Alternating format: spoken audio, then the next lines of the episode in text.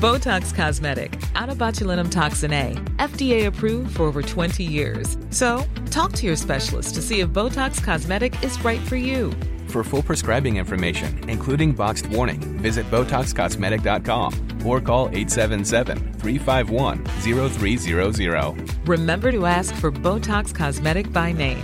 To see for yourself and learn more, visit BotoxCosmetic.com. That's BotoxCosmetic.com. Spring, is that you? Warmer temps mean new Allbirds styles. Meet the Superlight Collection, the lightest ever shoes from Allbirds, now in fresh colors. These must have travel shoes have a lighter than air feel and barely their fit that made them the most packable shoes ever. That means more comfort and less baggage. Try the Superlight Tree Runner with a cushy foam midsole and breathable eucalyptus fiber upper. Plus, they're comfy right out of the box. So, what can you do in a Superlight shoe? What can't you do is the better question. And because they're super packable, the real question is where are you taking them? Experience how Allbirds redefines comfort. Visit allbirds.com and use code SUPER24 for a free pair of socks with a purchase of $48 or more. That's A L L B I R D S.com code SUPER24.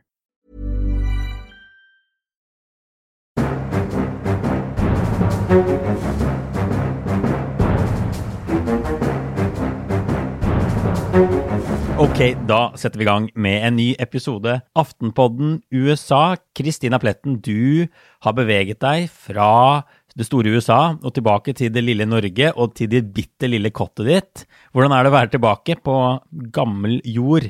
Nei, det er jo alltid fint å komme hjem, men uh, det er jo litt sånn uh, Det blir jo litt smått, da. Ikke sant?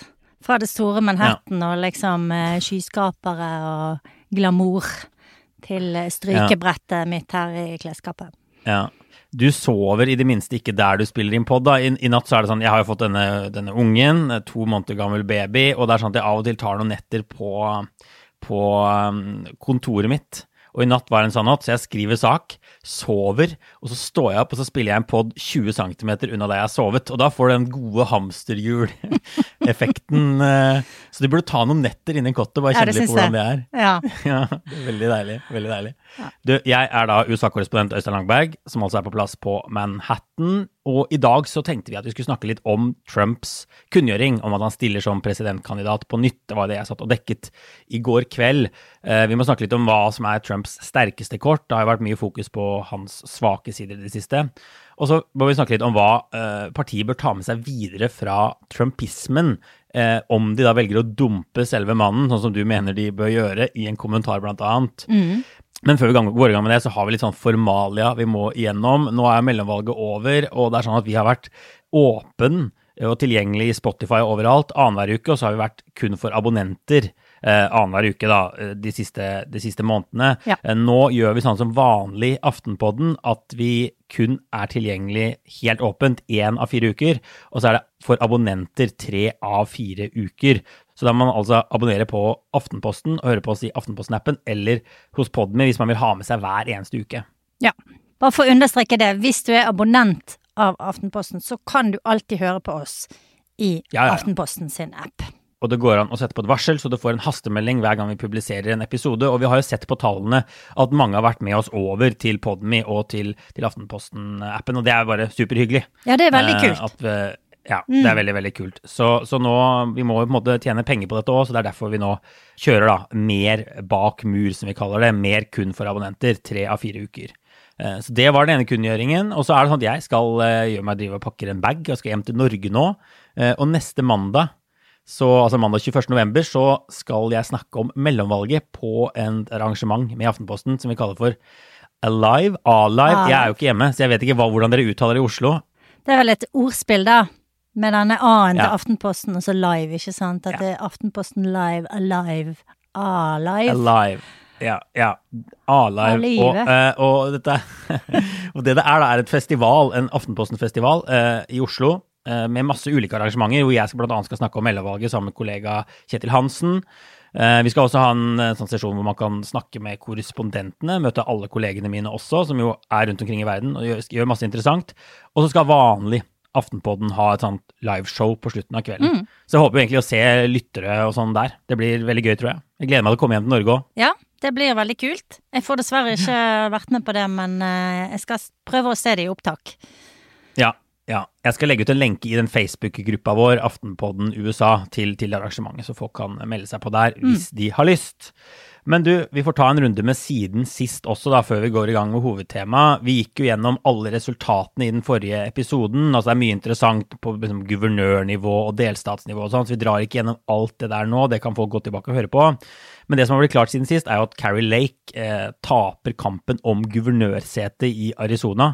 Hun har jo blitt hauset opp. Eh, hun lå veldig godt an, eller ganske godt an på målingene. Ble sett på som en sånn ny magastjerne, men kom ikke i mål. Selv om motstanderen fikk veldig veldig mye kritikk under valgkampen, ikke ville være med i debatter. Eh, jeg tror mange er enige om at hun egentlig gjorde en ganske dårlig valgkamp, men likevel så slo hun altså eh, Carrie Lake, denne demokraten Katie Hobbs, som nå blir guvernør i Arizona.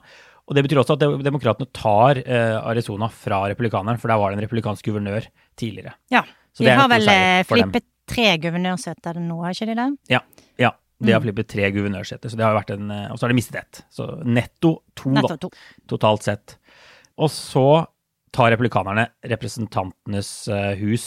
Uh, siste NBC-estimat tilsier at de tar republikanerne tar 220 seter. Demokratene får 215. Så de får jo kontroll. Det er en seier. De kan stoppe en god del av Bidens agenda, men det er jo også et ekstremt knapt flertall som det blir veldig veldig vanskelig å regjere over, og blir veldig interessant å se om de får noe ut av i det hele tatt. Mm.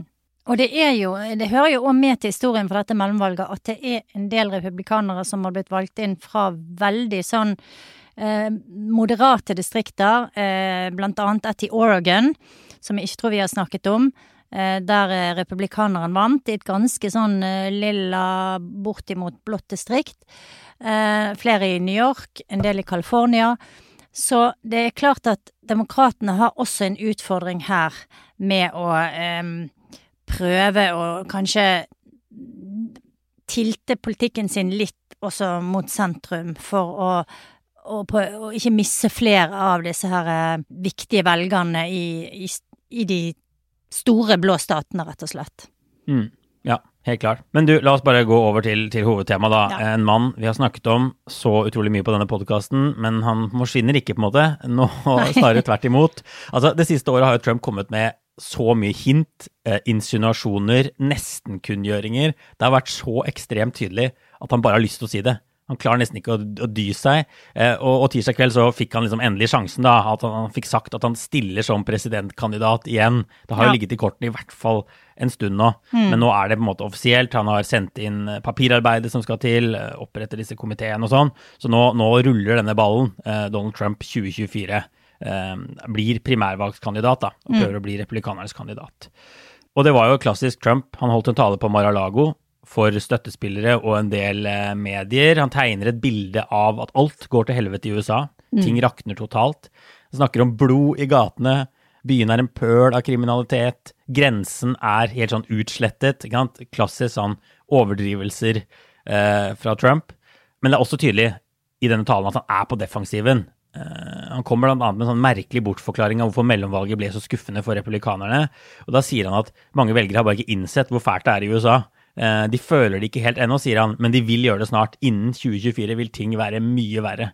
Så er spørsmålet om det er noe eh, Trump håper på, da, eller om han faktisk tror på eh, at ting vil være så mye, mye verre da. Men hva tenker du? Synes du han fremsto som offensiv eller defensiv? Litt av begge deler. Det var jo påfallende at han i hvert fall i stor grad tonet ned dette her valgfornektelsespratet sitt og snakket lite om 2020 og stjålet valg og stoppet i stil og sånne ting. Eh, mm. Så han har jo hørt litt på um, rådgiverne sine, antageligvis da. Men det var jo en litt sånn Jeg syns av og til virkelig sånn kunstig eh, eh, avdempet.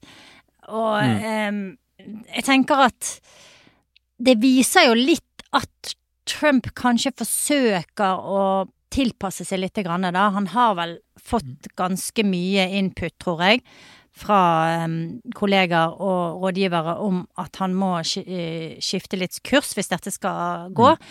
Han, han, er jo ikke helt sin egen øy. Han trenger støtte fra partiet. Han trenger eh, støtte fra apparatet rundt. Han har visst et veldig skrantent valgapparat så langt. Eh, og han trenger jo at, jeg, at, han har noen profesjonelle folk rundt seg da for å i hele tatt eh, komme i mål med dette her. Så ja. um, på en måte syns jeg han virket litt sånn famlende, rett og slett. Ja. ja. En som tydeligvis har gitt litt sånn råd og innspill, er Lindsey Graham, eh, Ja. eh, senator fra Sør-Carolina, som var ute på Twitter og, og skrøt veldig av talen etterpå. Så hvis han holder seg til dette budskapet og denne disiplinen fremover, da kommer han til å bli vanskelig å slå i primærvalget og i presidentvalget, sa han. Så det var jo noen som var fornøyd med at han, han klarte å ikke snakke så mye eh, 2020 da, og litt mer fremtid. For det var jo helt åpenbart i denne talen. Samtidig var det the greatest hits. Det var mye som ble hentet fra den første innsettelsestalen om dette med blod i gaten. og det Dette er noe Trump har gjort mange ganger. Malet et bilde av et USA som er bare helt, helt på randen av eh, av kollaps. Men jeg så noen av kritikerne kalte det hele litt sånn kjedelig og søvndyssende. Og jeg så på Fox, øh, på CNN, jeg hadde egentlig en ambisjon om å se hele talen, men de bare fjerna, kutta fra talen og begynte å analysere den midt i. Og Fox News også gjorde det samme, så vidt jeg eh, fikk med meg. Så de sendte altså ikke hele talen. Så det var litt en sånn følelse av Altså, det var ikke en, en sprinter på vei ut av startblokken, det var mer en sånn maratonløper som bare motvillig liksom lunter i gang med et sånt uh, sinnssykt maraton. Det var litt sånn Noen mente det var litt low energy. Det er noe Trump har stemplet andre Low. Det energy, var litt den følelsen. Ja. Det, var, det pågikk også veldig lenge. Så det, det var litt sånn uh, Ja, litt tregt. Det kan jo hende at hvis amerikanske medier nå eh, begynner å gi Trump litt mindre oppmerksomhet, eh, og, rett, og, og særlig Fox News, da, så skal han få streve litt. Eh, så spørs det jo om eh, han snart kommer tilbake på Twitter. Eh, det kan jo slå begge veier også, fordi at eh, han driver jo med sånne rants på sin egen sånn Truth Social, da, som folk av og til screenshotter og legger over på Twitter og sånn, men der viser han jo frem mye av sine verste instinkter, og det der som egentlig vel et flertall av velgerne har sagt ganske tydelig fra at de ikke er noe særlig interessert i. Så jeg tenker at eh, det er veldig usannsynlig at Trump klarer å holde seg i skinnet og klarer å, å være disiplinert nok til å kjøre dette her løpet i, i to år. Uh, mm. så jeg tror at eh, jeg tror, at han skal, altså, jeg tror at han skal få problemer denne gangen. Jeg, jeg ser at her i Norge i hvert fall, så er det ganske mange som sier sånn men, men, men. Husk på at Trump har, eh, har klart dette mange ganger før. Det er ingen som har klart å stå opp mot han. Han har skutt ned den ene motstanderen etter den andre, og det er sant. Men jeg føler at mye har endret seg etter dette mellomvalget, og, og, og det har egentlig vært sånn long time coming. Det har gått over lang tid, ikke sant? Ja. Vi kan bare snakke litt om Trumps problemer aller først, da, før vi tar liksom det som kan gi han litt håp. Altså, han har jo med seg mye mer bagasje enn han hadde i 2016. Da var han jo mye mer en outsider. Nå har han liksom alle disse årene i Det hvite hus, eh, som jo har vært mildt sagt veldig, veldig turbulente. På ingen måte en outsider. Han er jo Man, man kan jo mene at han er faktisk partileder på et eller annet vis, eller i hvert fall den klart mektigste mannen i det republikanske partiet. Og så har han jo eh, alle disse etterforskningene mot seg, som har stått litt på vent i valgkampen, men som kan nå eh, settes i gang for fullt. Og det er ikke usannsynlig at det kommer nyheter der i løpet av de neste ukene. På etterforskningene, tiltaler, eh, nye skritt eh, som kan i hvert fall ødelegge for Trump, men også sende han tilbake i rampelyset da, på et eller annet, eh, på et eller annet vis. Ja, og, og akkurat det, hvis jeg bare kan få skyte inn noe, for det, akkurat det tenker jeg er litt sånn tveget sverd. Det er godt mulig at det kan faktisk løfte Trump litt, grann, eh, fordi at det, det, det spiller inn på det narrativet hans om at det er en heksejakt mot han, og at uh, demokratene prøver å stanse han med andre midler, da. Så akkurat det er ikke jeg sikker på nødvendigvis er negativt for Trump. Nei, nei vi, vi har så det litt tendenser til det i august, da de, da de raidet Mar-a-Lago. At det var en sånn samling rundt Trump igjen på meningsmålingene, at han steg litt igjen. Fordi da er det en tydelig fiende, det er demokratene og sånn, og dette er vår mann. Så det, det, jeg er enig, det er et tveget, eh, tveget sverd.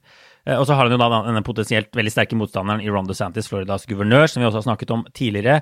Og så ser vi at partiet i større grad enn før vender ham ryggen. Ikke bare partiet, da, men på måte hele dette økosystemet på høyresiden i USA. På ingen måte hele økosystemet, men deler av det i hvert fall. Eh, Mike Pence, Trumps tidligere visepresident, har jo vært tydeligere enn noen gang før nå i sin kritikk av Trump. Han kommer eh, med bok.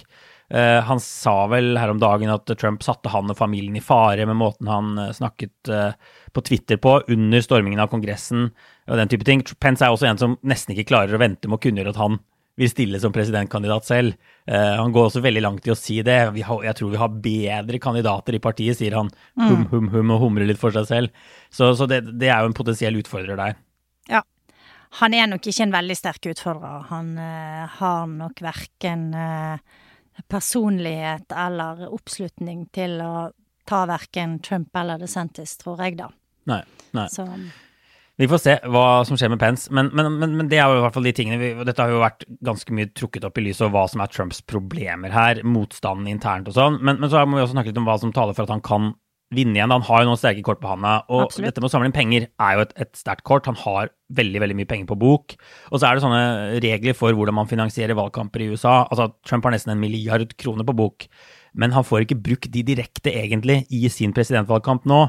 Men de kan tydeligvis kanaliseres inn i en såkalt superpack, som da formelt sett må være uavhengig fra presidentvalgkampen, men som noen mener likevel altså, ja, her er det litt ulne regler. Eh, Trump kan godt hende han pusher de til, eh, til det grensene tåler, og ender opp i rettssystemet og sånn, men at de kan definitivt på en eller annen måte brukes til å løfte Trump og Trumps kandidatur og angripe Trumps fiender, eh, denne superpacken, fra utsiden, selv om Trump da ikke formelt sett kan lede den. Ja, man kan ikke formelt sett koordinere med superpacken, men de kan f.eks.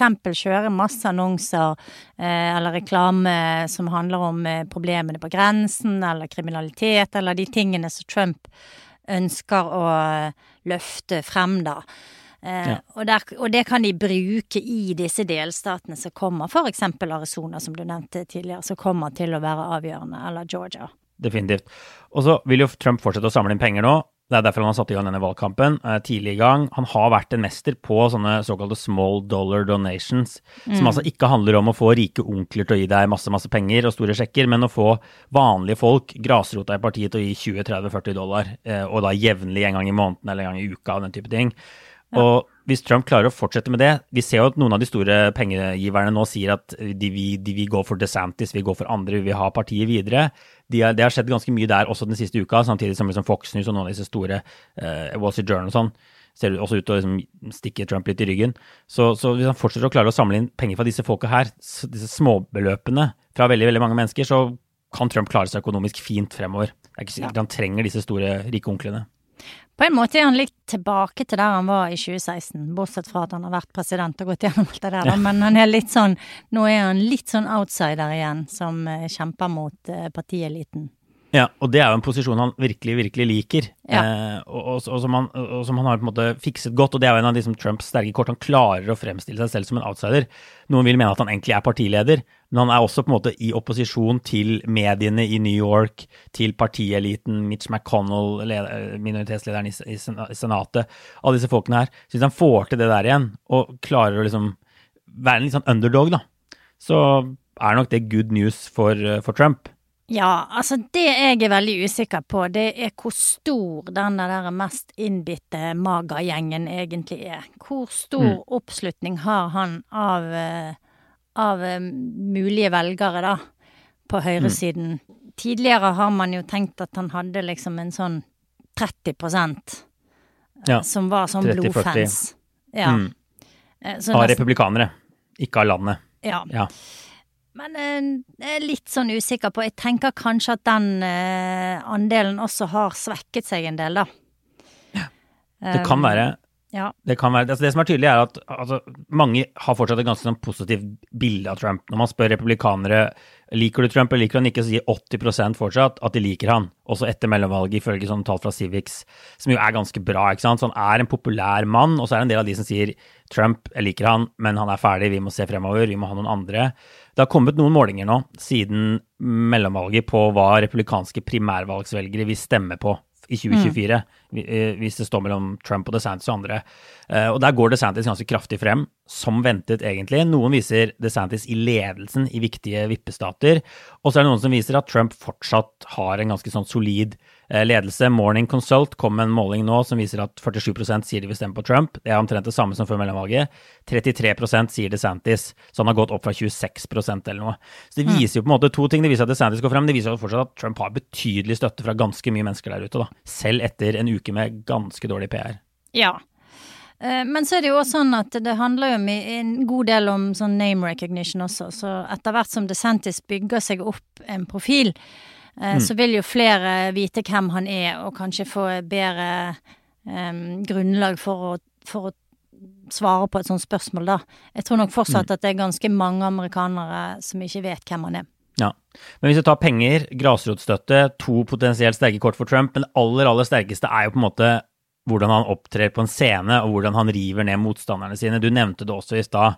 Mm. Han er på en måte villig til å bruke alle midler. Han bryr seg ikke om partiet, han bryr seg ikke om han ødelegger potensielt fremtidige stjerner ikke sant, på scenen der. Og dette er en teknikk han har brukt veldig veldig effektivt før.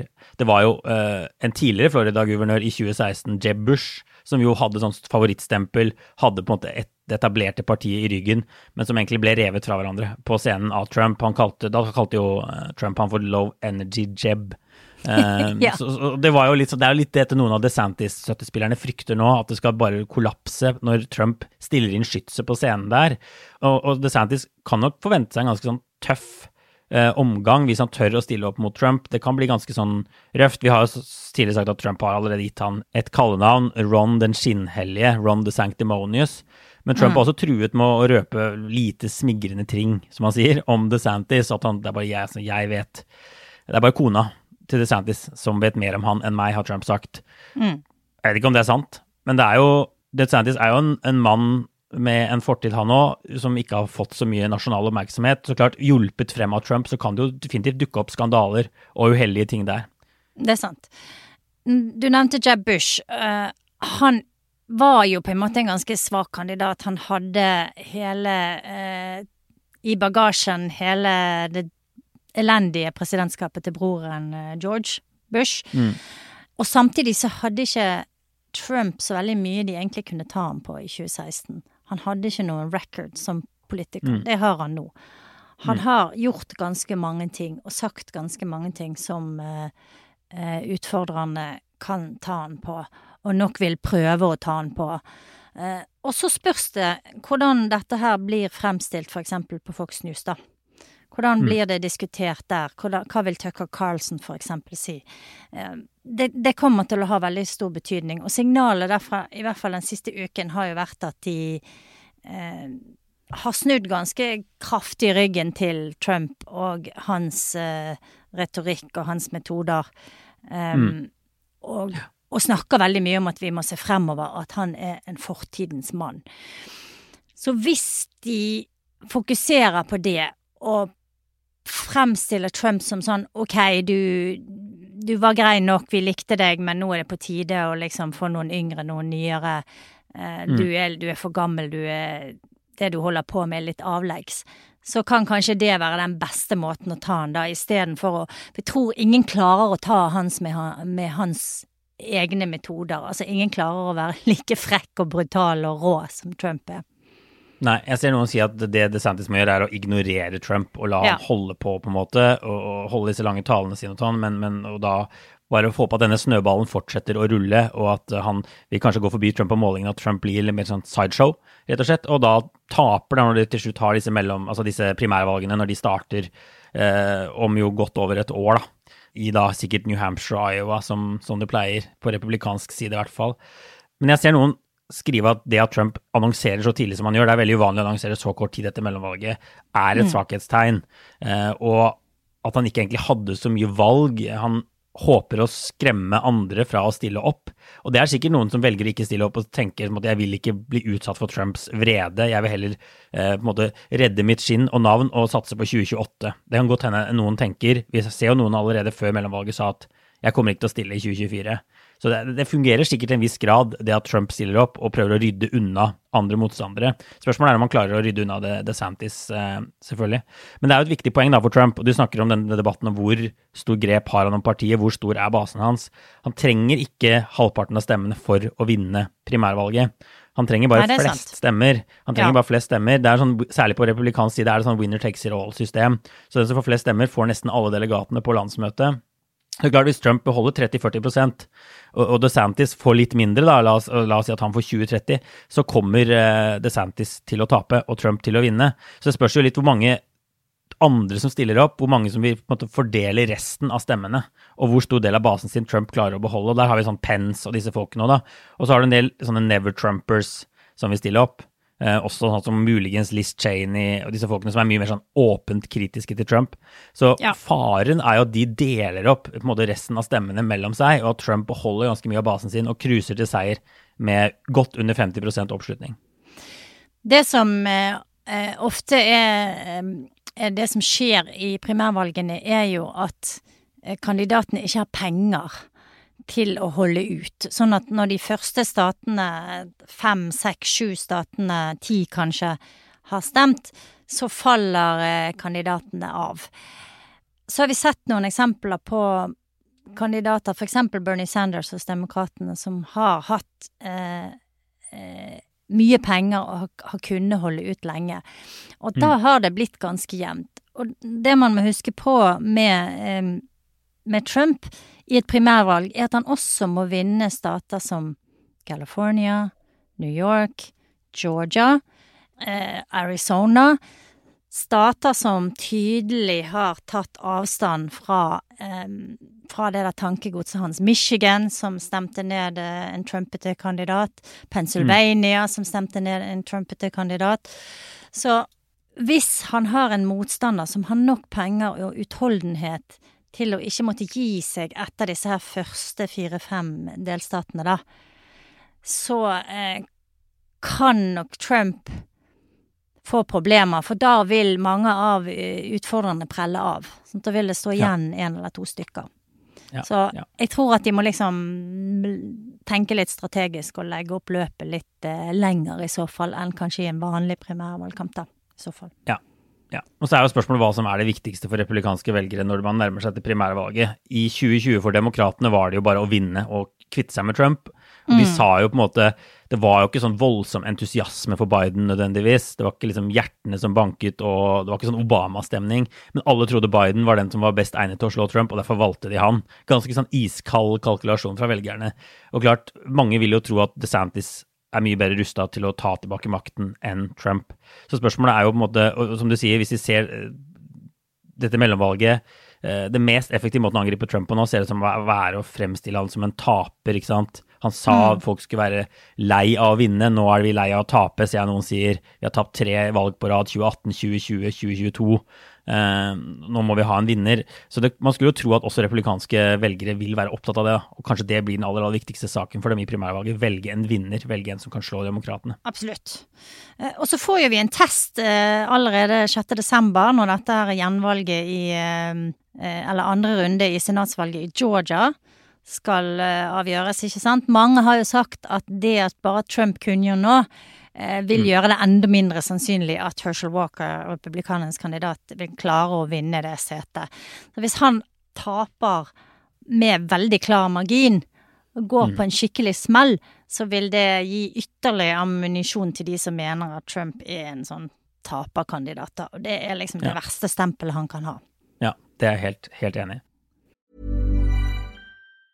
When you're ready to pop the question, the last thing you want to do is second guess the ring. At Bluenile.com, you can design a one of a kind ring with the ease and convenience of shopping online. Choose your diamond and setting. When you find the one, you'll get it delivered right to your door. Go to Bluenile.com and use promo code LISTEN to get $50 off your purchase of $500 or more. That's code LISTEN at Bluenile.com for $50 off your purchase. Bluenile.com code LISTEN. Kristina, vi får også bare snakke litt om en kommentar du har skrevet. og hvis, La oss si at mm. de kvitter seg med Trump og dette partiet. Er det noe at trumpismen de bør beholde, eller kommer til å beholde, ta med seg videre inn i nye kandidater og inn i fremtiden? Eh, det er jo ganske interessant, fordi Trump har virkelig endret dette partiet om han skulle vinne primærvalget eller ikke. Ja.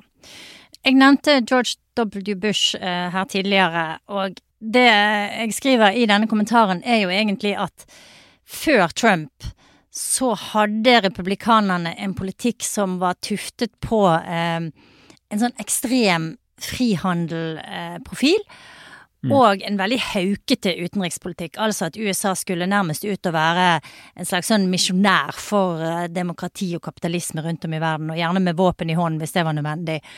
Mm. Eh, den politikken ble veldig grundig avvist av velgerne, spesielt i 2012, når Mitt Romney var republikanernes eh, presidentkandidat. Og da kom det et veldig oppgjør i partiet mot, mot den politikken de hadde før, og de hadde en slags sånn obduksjon, tror jeg de kalte det, der de så på liksom eh, restene av, eh, av kampanjen og hva de måtte gjøre videre. Og så kom Trump inn og bare egentlig kuppet hele partiet, ikke sant. Og han koblet seg jo på en måte på det raseriet som det amerikanske folket hadde, både mot denne her råkapitalismen og eh, alle disse krigene og all pengebruken, og klarte å formulere et budskap som traff veldig godt. Og som Mm. traff en helt annen gruppe velgere enn kanskje det partiet hadde appellert til før. Eh, mye sånne eh, arbeiderklassevelgere med ganske liten utdanning, men som hadde Mm. hatt trygge jobber og et relativt sånn ok, eh, ok økonomi og, og, og liv. Så det jeg tenker det er viktig for republikanerne å ta med seg videre, da, fra det Trump har, eh, har, har gjort. Det er spesielt dette når det gjelder utenrikspolitikk. Altså, det er et veldig tydelig signal fra amerikanerne, også på venstresiden, om at de er lei av at USA skal drive og føre kriger rundt om i verden. De er lei av å få eh, unge amerikanere hjem i kister, og få eh, amerikanere hjem med PTSD og med amputerte armer og bein. Det var Veterans Day en av de siste dagene jeg var i, eh, i USA, og det er jo bare Når jeg var i New York, faktisk, Mm. og, og jeg så på alle de der eh, veldig unge menneskene som gikk rundt i, eh, i uniformer, ikke sant. Der er mange generasjoner med amerikanere som har vært i krig. Så det tror jeg er en innmari viktig eh, det, det er viktig at republikanerne tar med seg det. Og så er det dette her med å beholde en del av velferdsordningene.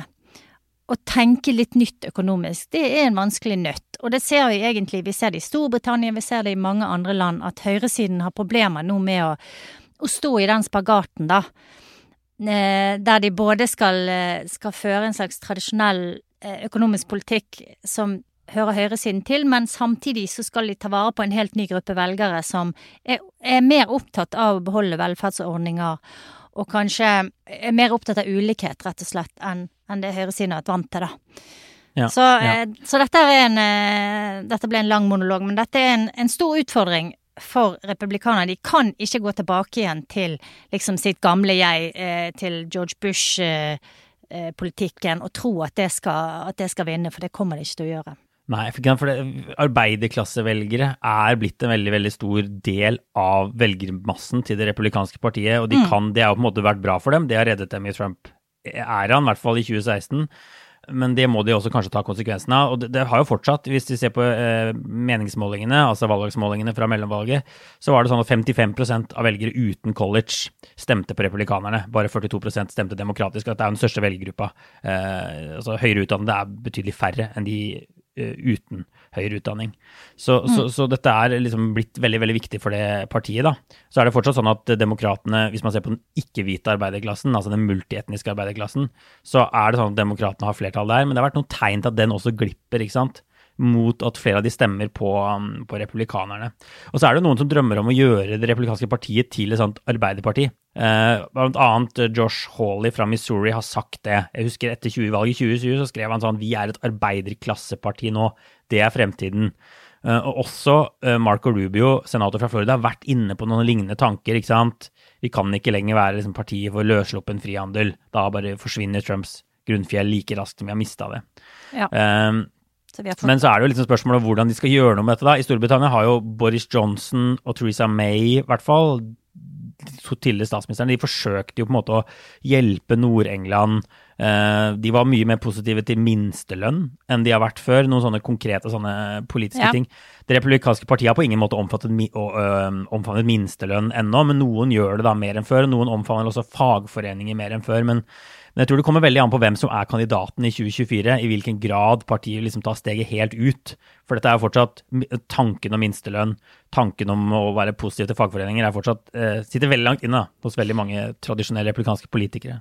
Jo, men samtidig så, så vi, vi så tendenser til hvordan demokratene har tenkt å angripe dette her. De snakket, i hvert fall på slutten av eh, valgkampen nå, så snakket de mye om Social Security Ja. og Medicare. Og så snakket Ja. de om sånn prescription, altså eh, medisiner på resept. Og, og, og få en pristak på det. Og Ja, så det er altså pensjonssystemet og, Ja. ja, pensjonssystemet og det offentlige helsesystemet, da, ikke sant, som de ja, snakket om. Ja. Medicare for, eh, for alle over eh, 65 år. Ja. Eh, og så er det priser på medisiner, som også går litt inn i Medicare. Eh, George Bush foreslo å privatisere, eller i hvert fall delprivatisere Social Security. Det var helt ekstremt upopulært. Mm. og var, var, var med på å svekke han kraftig.